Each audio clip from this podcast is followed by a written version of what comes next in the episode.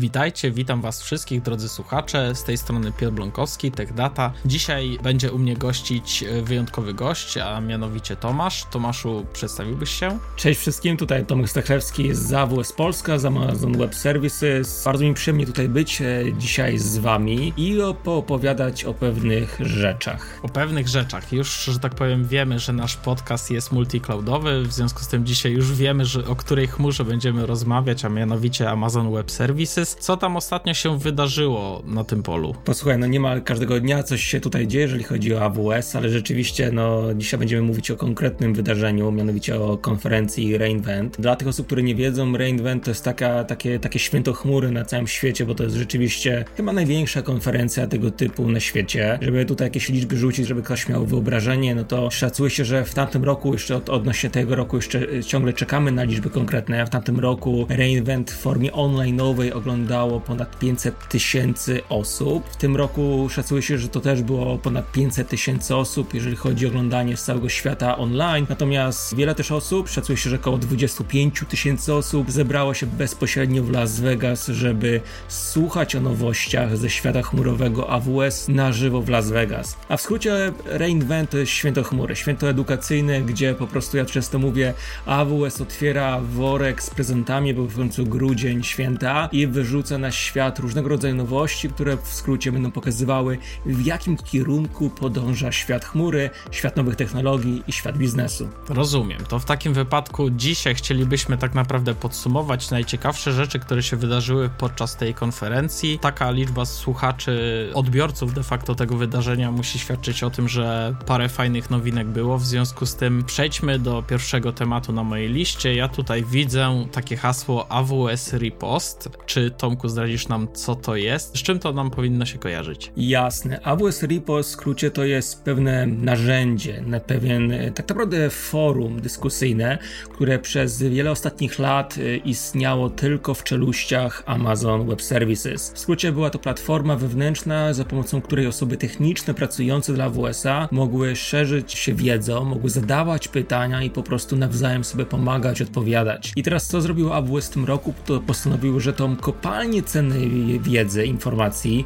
nie należy skrywać przed światem, tylko należy opublicznić. I Ripos to jest właśnie opublicznienie tego wewnętrznego forum AWS-owego, po to, żeby teraz po pierwsze osoby mogły wejść i po prostu znaleźć pytania i odpowiedzi na najbardziej nurtujące ich kwestie, które często mamy, jeżeli chodzi właśnie o na przykład poprawne budowanie aplikacji w chmurze, która usługa do czego i tak dalej. Ale też, co jest istotne, mogą sami zadawać te pytania, czyli w skrócie Repos jest to platforma, za pomocą której możemy szybko znaleźć odpowiedzi na nurtujące nas pytania, ale również możemy zadać pytania i albo specjaliści z AWS, albo po prostu osoby, pasjonaci będą w skrócie starali się nam pomóc i udzielić nam odpowiedzi, która będzie satysfakcjonująca dla nas. Ja muszę przyznać, że jako osoba techniczna najłatwiej by mi było to porównać do Stack Overflow. Mi się wydaje, że tutaj wszystkim jest ta platforma znana. Oczywiście tam również są odpowiednie kategorie na pewno przeznaczone na chmurę, natomiast e, otrzymujemy tutaj w zestawie de facto za darmo, prawda, taką gigantyczną bazę wiedzy, techniczną bazę wiedzy, która tak naprawdę orbituje tylko i wyłącznie wokół tematyki związanej z AWS-em, aczkolwiek mi się wydaje, że wielu innych ekspertów tam również znajdziemy. Oczywiście pamiętajmy o tym, że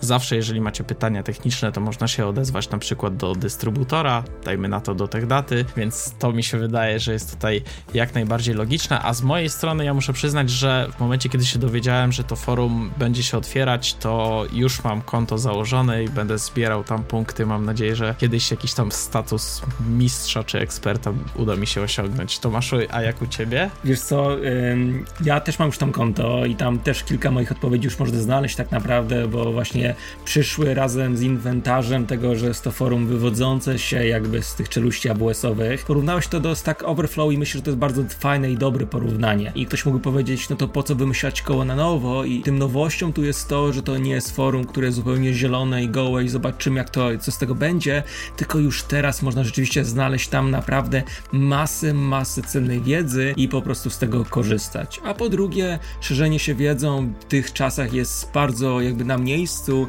i e, zdecydowanie zachęcam, że tak jak ty powiedziałeś, żeby się zarejestrować i nie tylko czerpać z wiedzy innych osób, ale potencjalnie też jakby pokazywać naszą własną wiedzę. Super Super, to w takim razie ten temat mamy omówiony, natomiast kolejny na mojej liście Amazon S3 Storage. Ja słyszałem, że mamy troszeczkę zmienione, wręcz bym powiedział nowe podejście do magazynu danych, który służy do totalnej archiwizacji danych. Tomaszu, może gdybyś coś o tym wspomniał? Jasne. Chmura ma to do siebie, zwłaszcza AWS, że nawet potencjalnie najbardziej banalny temat, jak przechowywanie danych, można opakować i, i, i zrobić w sposób niebanalny, który będzie rzeczywiście ciekawy. I tu dochodzimy tak naprawdę do tematu przechowywania danych. Chmura w AWS-ie przechowywać dane można w różnych miejscach. Najbardziej zazwyczaj myślimy o usłudze S3, o S3, czyli ten internet, e, storage internetu, jak często niektórzy mówią, czyli usługa do przechowywania danych. I teraz sam S3, czyli ta, ta usługa do przechowywania danych przychodzi z wieloma różnymi klasami. I teraz już to od dawna tak działało, że osoby w zależności od tego, jaki typ danych mają, mo można przechowywać te dane w S3 w formie takiej gorącej, czyli coś wrzucimy do S3 i od razu możemy to pobierać, ewentualnie w formie zimnej, tak zwanego glaziera, czyli wrzucamy, płacimy bardzo mało za przechowywanie danych, bo to nawet jest 1 dolar za terabajt danych miesięcznie i bo to wtedy jest taka e, jakiś rodzaj archiwizacji. No oczywiście pomiędzy tymi dwoma skrajnymi przypadkami było też kilka różnych jakby klas pośrednich. No i teraz co zostało rozbudowane w tym roku i ogłoszone właśnie podczas tej konferencji Reinvent to nowa klasa glazierowa, czyli właśnie ta archiwizacja. Do tej pory archiwizacja kojarzyła się z plusem takim, że przechowywanie danych było bardzo tanie, ale jeżeli chcieliśmy coś pobrać, to to trwało no czasem nawet parę godzin. Natomiast jakby życie proste nie jest i wiele różnych przypadków jest niebanalnych, więc to co zostało rozbudowane w tym roku to to, że możemy rzeczywiście przechowywać dane w sposób archiwizacyjny, czyli żeby było tanio, a jak jest tanio to zawsze wszyscy lubią, ale jednocześnie jeżeli będzie taka potrzeba, bo na przykład musimy szybko pobrać jakieś dane backupowe, to możemy to zrobić w ułamku sekundy i nie czekać tych paru godzin na te dane, które są dla nas tak bardzo istotne. Ale jednocześnie, tak jak powiedziałem, jest to archiwizacja, czyli będziemy płacić po prostu dużo mniej niż w takim standardowym podejściu danych gorących. Więc to jest właśnie ta jedna z nowości, która o tyle cieszy, bo każdy, no może nie każdy, firmy wykorzystują chmurę do tego, żeby przechowywać dane, bo już do tej pory było to po prostu tanie, a teraz właściwie za pomocą jednego przycisku myszą może stać się to jeszcze tańszy. Zatem właściwie czego chcieć więcej? Ja ze swojej strony mogę powiedzieć, że patrzę tutaj też na zebrane przeze mnie liczby, nawet 68% de facto kosztu jesteśmy w stanie oszczędzić na tym, że te dane są przechowywane w takim archiwum, natomiast one są dostępne na wyciągnięcie ręki w tym dokładnie momencie, w którym chcemy chcemy z tych danych skorzystać. Natomiast oczywiście Simple Storage Service, czyli to nasze S3, jest najpopularniejszym produktem, który istnieje w chmurze AWS. Co można jeszcze tutaj dodać? Nic dziwnego, że ten produkt jest popularny, ponieważ pamiętajmy o tym, że w lokalnej serwerowni, kiedy musimy się zająć jakąkolwiek archiwizacją danych, jednym z najbardziej wrażliwych elementów poza tak naprawdę dostępem jest samo przechowywanie fizycznych nośników. Ja kojarzę kwestie związane z dyskami, kwestie związane z taśmami. Mało kto na etapie polityki bezpieczeństwa martwi się o to, w jaki sposób tak naprawdę te nośniki są przechowywane, a pamiętajmy o tym, że jeżeli nośnik nie jest przechowywany we właściwy sposób, to po co jest nam ten nośnik w momencie, kiedy nie jesteśmy w stanie wyciągnąć już z niego danych, ponieważ jest on uszkodzony. Także nic dziwnego, że jest to tak naprawdę najpopularniejsza usługa i te dane, przechowywanie danych w chmurze jest tutaj zdecydowanie najlepszym podejściem, jeżeli chodzi o koncepcję związaną z bezpieczeństwem. Zatem przejdźmy do mojego kolejnego punktu. Ja tutaj mam informację związaną z komputem, natomiast tutaj popatrzymy jeszcze troszeczkę na AWS-a nie tylko jako na dostawcę chmury, ale jako na producenta sprzętu. Tak, wiesz co, to jest tak, że czasami jeżeli nawet ja rozmawiam z różnego rodzaju specjalistami, czy to specjalistami IT, czy biznesem, no to myślimy o chmurze, myślimy o AWS-ie po prostu jako taki dostawca chmury, że przychodzi wchodzimy do chmury, odpalamy jeden serwer, dwa serwery, trzy serwery, no i mamy jakąś konfigurację, którą wybieramy, prawda? I to, to jest zasadne, tak działa chmura. No i wybieramy, że potrzebuje serwer na przykład w oparciu o procesory Intela, w oparciu o procesory AMD i tak dalej. Ale co jest niezmiernie ciekawym zagadnieniem, to jest to właśnie, co, co wspomniałeś o tym, że AWS jest tak naprawdę też jakby samemu tworzy sprzęt. I, i to już tworzy go już od niemal od samego początku, na przykład routery ma AWS własne i nie tylko. I teraz co, to, to, co obserwujemy w obecnych czasach, to jest również właśnie procesory. Procesory, które AWS samemu produkuje i dostarcza użytkownikom. I ktoś mógłby powiedzieć, no ale po co? No jest, jest, są tacy, tacy świetni gracze jak Intel, AMD, to po co nowe procesory tym razem od AWS-a? Przyczyna jest bardzo prosta. Te procesory oparte są o inną architekturę, architekturę ARMową. Zakładam, że część osób, które nas teraz słuchają, jakby kojarzy architekturę ARMową. Jest to w skrócie trochę inne podejście do budowania procesorów, które w skrócie y, okazuje się, że jest bardzo optymalne dla większości typów aplikacji. A co rozumiem przez optymalne? Optymalne w skrócie tańsze. I teraz co robi AWS? To produkuje własne procesory, które właśnie określane są jako procesory Gravitony. Obecnie mamy do czynienia już z nową generacją, to są to generacja trzecia, która po prostu znowu jest tańsza od poprzednich. No, każda ma to do siebie, że jest jakby nowsza, szybsza i tańsza. Tym razem szacuje się, że jest to o 25% jakby wydajniejsze i tańsze niż poprzednia generacja. I dzięki temu po prostu, jeżeli na przykład mamy aplikacje, które oparte są o kontenery, o analitykę, bazy danych typu Postgres, to zamiast uruchamiać je na takiej typowej architekturze, to uruchamiamy je właśnie w oparciu o architekturę armową i te i te procesory, które są tworzone bezpośrednio przez AWS-a, a dzięki temu znowu dochodzimy do tego tematu, który opisywałem wcześniej, jest po prostu taniej. I to jest już kończąc ten wywód, to podejście tworzenia własnej infrastruktury, w tym przypadku własnych procesorów już widać od jakiegoś czasu w AWS-ie, bo tutaj wspominamy teraz o tych procesorach gravitonowych, czyli po prostu uruchamiamy wówczas serwer oparty o dedykowany dedykowany procesor, ale te dedykowane procesory również widać w sztucznej inteligencji. Tam są znowu dedykowany hardware, który służy do tego, żeby budować własne modele sztucznej inteligencji, a następnie je wykorzystywać. I znowu własny dedykowany sprzęt AWS produkuje, po to, żeby po prostu przy pewnej skali jest to podejście szybsze, no bezpieczniejsze realnie i te optymalności finansowe później też mimo wszystko w jakiś sposób e, schodzą też na użytkowników końcowych. Oczywiście, tutaj z mojej strony jeszcze mogę dodać, że to jest kolejny, że tak powiem, produkt w portfelu, w ofercie chmury publicznej AWS, natomiast e, nie ukrywam, że procesory armowe to jedno, ale również w AWS-ie jesteśmy w stanie zahostować maszyny, czy też e, zasoby,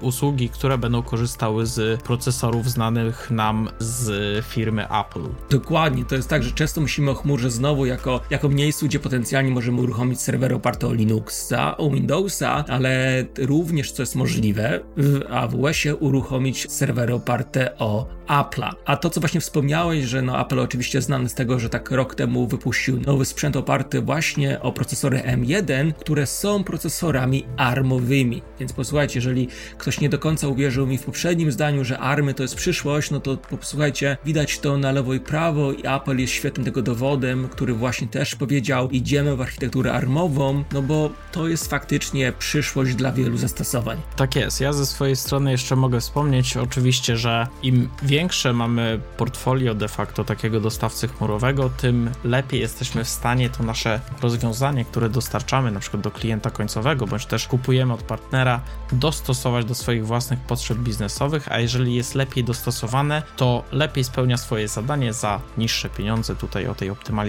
już troszeczkę również mówiliśmy. To teraz zastanówmy się, co zrobić z miejscami, do których nazwijmy to chmura nie sięga. Kolejnym punktem na mojej liście jest AWS Outpost Servers. W związku z tym, Tomaszu, w jakich nowych rozmiarach jesteśmy w stanie to zaimplementować? To odpowiem tak, ponieważ pewnie słuchałem nas osoby, które z AWS-em mają trochę bliższy kontakt, ale są też na pewno osoby, które mają trochę dalszy kontakt. To idea główna korzystania z chmury z AWS jest taka, że na całym świecie AWS ma tak zwaną infrastrukturę własną, tak zwane regiony. I tych miejsc na całym świecie jest tam niemal 30, jak na przykład Frankfurt, Irlandia i tak dalej. I zazwyczaj, jeżeli chcemy korzystać z chmury, to wybierzemy takie miejsce i to właśnie w tym miejscu, jak na przykład, nie wiem, we Frankfurcie, nasze aplikacje będą uruchomione, to tam te dane będą przechowywane i tak dalej. No ale oczywiście czasem jednak mamy pewną potrzebę, że chcielibyśmy, żeby te dane były bliżej, bo na przykład, nie wiem, mamy jakieś konkretne case i chcielibyśmy, żeby dane były w zaciszu naszej własnej serwerowni albo kolokacji, z której korzystamy. I AWS parę lat temu wypuścił tak zwaną usługę Outpost. I Outpost to była usługa, za pomocą której jakby klient końcowy, firma końcowa mógł wynająć, wydzierżawić kawałek, właściwie nie kawałek, tylko szafę rakową od AWS-a. Wtedy to AWS, jakby reprezentant od AWS-a przyjeżdżał, weryfikował serwerownię, sprawdzał, czy wszystko jest w porządku, a następnie zamontowywał w takim miejscu właściwie szafę rakową od AWS-a. I to nie jest żaden, wtedy był dostawca zewnętrzny, tylko widać było, że to jest sprzęt jakby wyprodukowany, stworzony przez AWS. No ale szafa rakowa to nie jest odpowiedź na wszystkie nasze wymagania, bo czasem mimo wszystko to jest trochę za dużo. Więc teraz co AWS powiedział, posłuchajmy, no to czasem case'y są mniejsze, wymagania są mniejsze, więc teraz rzeczywiście ten sprzęt outpostowy przychodzi w mniejszych rozmiarach, zwany 1U i 2U, czyli po prostu takie standardowe rozmiary, które możemy włożyć w naszą własną szafę rakową, dzięki czemu mamy wówczas wycinek chmury AWS-owej w zaciszu własnej serwerowni i wówczas możemy uruchamiać serwery nie tylko w Irlandii, we Frankfurcie, ale tylko pod Łodzią, w Pabianicach, w Krakowie,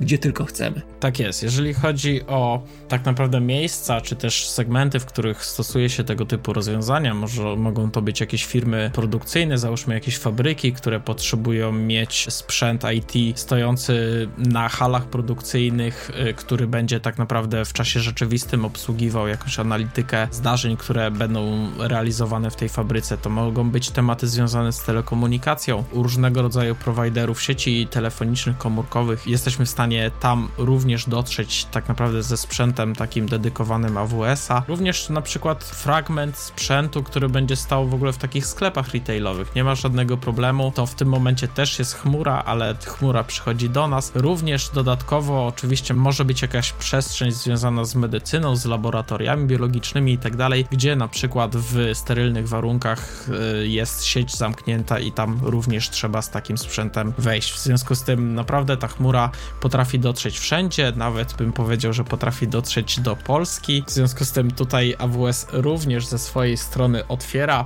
pewnego rodzaju miejsce, w którym możemy hostować zasoby, które będą zgodne ze wszelkimi rodzaju regulacjami, bo będą nie tylko na terenie Europy, ale i również wkrótce na terenie Polski, czyli AWS Local Zones. Dokładnie, to chyba było to ten news z reinventa, który największym echem odbił się e, w naszym kraju, bo tak jak wcześniej mówiliśmy, już AWS od dawien dawna dawał różne możliwości na to, żeby korzystać z chmury w zaciszu własnej serwerowni, no ale to też jest czasem tak, że chcieliśmy przechowywać dane czy uruchamiać aplikacje w Polsce, no ale niekoniecznie na przykład mieliśmy własną serwerownię, czy korzystaliśmy z kolokacji, wtedy troszeczkę outpost, o którym mówiliśmy wcześniej, nie był odpowiedzią. No i teraz co zrobił już AWS oficjalnie ogłosił, że w kolejnym roku, czyli 2022 w Polsce, w Warszawie dokładnie, będzie uruchomiona Local Zona. Local Zona to jest w skrócie miejsce, kawałek AWS-a, gdzie użytkownicy, klienci firmy będą mogli znowu uruchamiać te aplikacje, systemy tutaj w zaciszu naszego pięknego kraju, jeżeli po prostu mają taką potrzebę. Takimi potrzebami zazwyczaj, które my widzimy, są dwie kategorie, albo to są kwestie prawne, no bo z jakiegoś powodu, po prostu nie wiem, ktoś nam powiedział, że te dane muszą być zlokalizowane w Polsce, być może to jest jakby kwestie ogólnokrajowe, być może jakaś wewnętrzna polityka i wówczas właśnie local zona,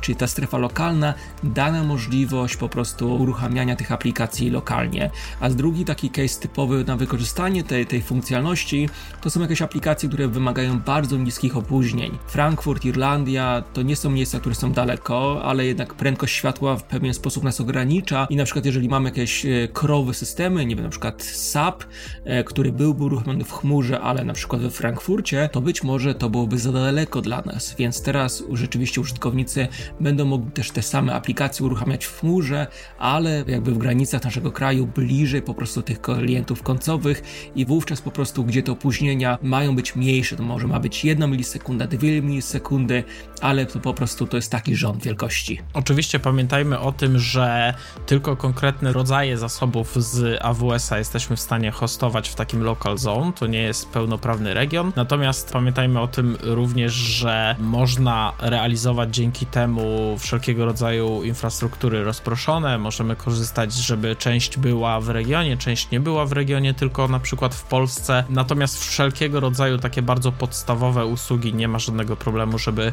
zahostować już w Polsce i się nie odwoływać do żadnych innych regionów, które poza granicami Polski się znajdują. W związku z... Absolutnie, absolutnie pozwól, że ci dasz sekundkę przerwę, bo powiedziałeś coś bardzo, bardzo mądrego i myślę, że to warto o tym wspomnieć, jakby podkreślić. To nie jest kwestia, czy pójdziemy w lewo, czy w prawo, czy pójdziemy właśnie do takich regionów jak Irlandia, Frankfurt, czy może zlokalizujemy nasze aplikacje w Polsce. To powinna być synergia tych różnych miejsc, ponieważ dopiero synergia nam jakby te walory, benefity biznesowe, które na końcu chcemy osiągnąć. I wówczas po prostu korzystamy z systemów usług, funkcjonalności, na przykład we Frankfurcie, gdzie ma to po prostu rację bytu, a z infrastruktury właśnie polskiej, gdy po prostu konkretne wymagania, jak na przykład prawne albo wydajnościowe, jeżeli chodzi o, o latencję, tego wymagają. Tak, ja ze swojej strony mogę powiedzieć, że oczywiście rozmawiając z nami, z dystrybutorem, my zawsze zadajemy takie pytanie albo podkreślamy temat związany z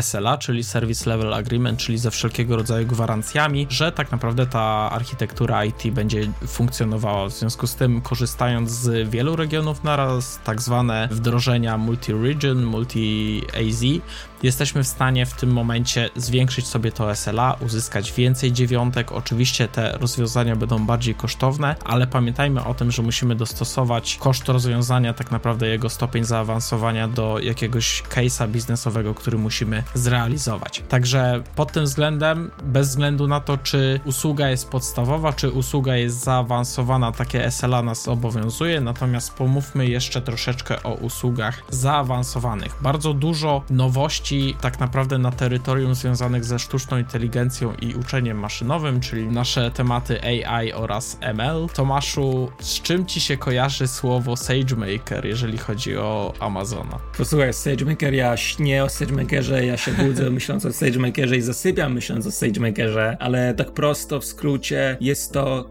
Combine, za pomocą której firmy na całym świecie budują własne modele sztucznej inteligencji. Chmura rzeczywiście dostarcza wiele gotowych rzeczy, które wykorzystują sztuczną inteligencję, którą dają nam funkcjonalności, jak konwersja tekstu na audio, analiza zdjęć itd. Tak Ale czasem jest potrzeba, aby zbudować coś zupełnie od zera, bo po prostu nasz problem jest na tyle niestandardowy. Zatem SageMaker to jest kombine. I o SageMakerze moglibyśmy teraz tutaj przegadać n godzin, oczywiście nie mamy na to czasu, więc pozwól, że to tylko Ci wspomnę o, o dwóch rzeczach, jeżeli chodzi o SageMaker, bo myślę, że warto. Po pierwsze SageMaker Canvas. Wykorzystywanie sztucznej inteligencji, a może nie wykorzystywanie, ile budowanie własnych modeli nie jest trywialne i wie o tym każdy, kto próbował. Specjaliści są na wagę złota i więc, a, a czasem chcemy wykorzystać sztuczną inteligencję, zbudować coś, modele własne, ale nie mamy kompetencji. Więc to, co zrobił AWS w tym roku, to wyszedł i zbudował usługę, za pomocą której możemy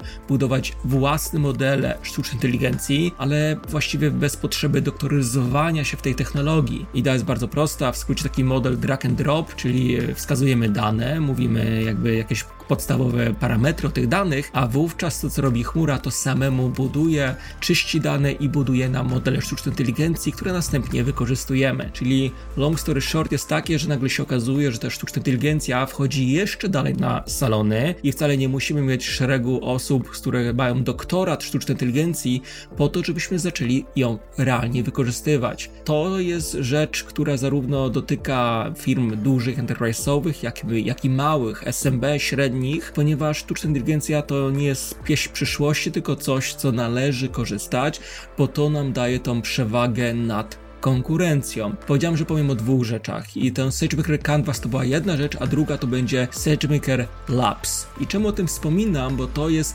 darmowa rzecz. To jest darmowa rzecz, darmowy interfejs, za pomocą którego, jeżeli ktoś, kto nas słucha, chciałby rozpocząć własną przygodę ze sztuczną inteligencją, to dzięki tej funkcjonalności, która tak jak powiedziałem, jest zupełnie darmowa, może samemu zacząć po prostu budować swoje kompetencje i tworzyć własne modele sztucznej inteligencji i po prostu zacząć się w tym obszarze specjalizować. Ja jeszcze ze swojej strony dodam, że SageMaker Canvas oczywiście pozwala nam realizowanie tego typu usług przy użyciu narzędzi no-codowych albo low-codowych, czyli takich, które nie wymagają od osoby, która siada do tego narzędzia znajomości kodu programistycznego. Dodatkowo też pamiętajmy o tym, że tematy związane ze sztuczną inteligencją, z uczeniem maszynowym to wcale że tak powiem, powiedziałeś, nie jest pieśń przyszłości Tomaszu, natomiast ja bym chciał tutaj zaznaczyć, że zarówno małe firmy, jak i duże firmy to to jest tak samo ważny temat dla obu tych sektorów. W związku z tym warto się tym zainteresować. Poza jakby kwestią budowania tego typu modeli jest również kwestia płatności za ich wykorzystywanie, czy też za wykorzystywanie zasobów podczas budowania tych modeli. I tutaj też na ratunek przychodzi nam tak naprawdę nowy model opłacania tego typu usług, czyli SageMaker Serverless Inference. Tak, dokładnie. Wiesz co, to jest tak, że serverless to jest jedna, ja osobiście uważam, to jest najbardziej ciekawy kierunek IT, który obecnie obserwujemy. W tym kierunku idzie właśnie technologia, czyli w skrócie my jako użytkownik końcowy chcemy korzystać i nie chcemy myśleć o infrastrukturze, ale jednocześnie nie chcemy płacić, gdy nie korzystamy. I na tym właśnie polega serverless. I ta domena serverless wchodzi rzeczywiście w różne obszary. Wspomniałaś tutaj o SageMaker, czyli właśnie sztuczna inteligencja taka serverlessowa, ale widać ją również w hurtowniach danych, w analityce. Czyli long story short znowu, jeżeli ktoś chce jakby osiągnąć bi wartość biznesową, chce na przykład analizować dane, ale nie ma kompetencji w danych obszarach, czy właśnie sztuczna inteligencja, czy analityka, to na ratunek właśnie przychodzą usługi serverlessowe. I tutaj znowu ten reinvent to pokazał, że to jest ten kierunek. SageMaker serverless, czy też, czy też Hadoop serverlessowy, czy Redshift serverlessowy, czyli hurtownia danych, gdzie po prostu nie musimy myśleć o infrastrukturze, tylko znowu skupiamy się na tym, co jest istotne, a te opłaty, które no oczywiście koniec końców gdzieś tam są, są faktycznie dopasowane do tego, jak i kiedy z tego korzystamy. Także jeżeli jesteście startupem, bardzo małą firmą, firmą z sektora SMB, jak najbardziej to jest też moment, w którym można się zająć tego typu usługami i zacząć je po prostu wykorzystywać, ponieważ koszt jest dostosowany w zależności od tego, w jaki sposób z tych usług korzystamy. Tomaszu, moja lista newsów dobiegła końca, parę jeszcze było, ale nazwijmy, że nie były one tak istotne dla naszego sektora, jak nam się przynajmniej wydaje. Ewentualnie, jeżeli nasi słuchacze wiedzą o jakichś innych newsach, które się powinny pojawić, które powinniśmy szerzej omówić spośród tych, które zostały wymienione, to gorąco zachęcamy do kontaktu do nas. Korzystając z różnych kanałów, na których nasze podcasty są dostępne, jest tam zawsze jakaś informacja związana z kontaktem z nami. W związku z tym bardzo prosimy o kontakt. My na taki kontakt zawsze odpowiemy. Tomaszu, chciałbym Tobie bardzo gorąco podziękować, że się dzisiaj byłeś w stanie tutaj u nas pojawić. Dzięki wielkie, było mi bardzo przyjemnie i mam nadzieję, że jeszcze będzie okazja, żeby pogadać więcej. Oczywiście, jak nie będzie okazji, to my ją stworzymy, tak? W związku z tym, jak najbardziej dziękujemy Wam ślicznie za uwagę i tak naprawdę do następnego. Nasłuchujcie naszych kanałów komunikacyjnych, na pewno będziemy informować, kiedy kolejny podcast powstanie. Dziękujemy bardzo i do usłyszenia. Cześć.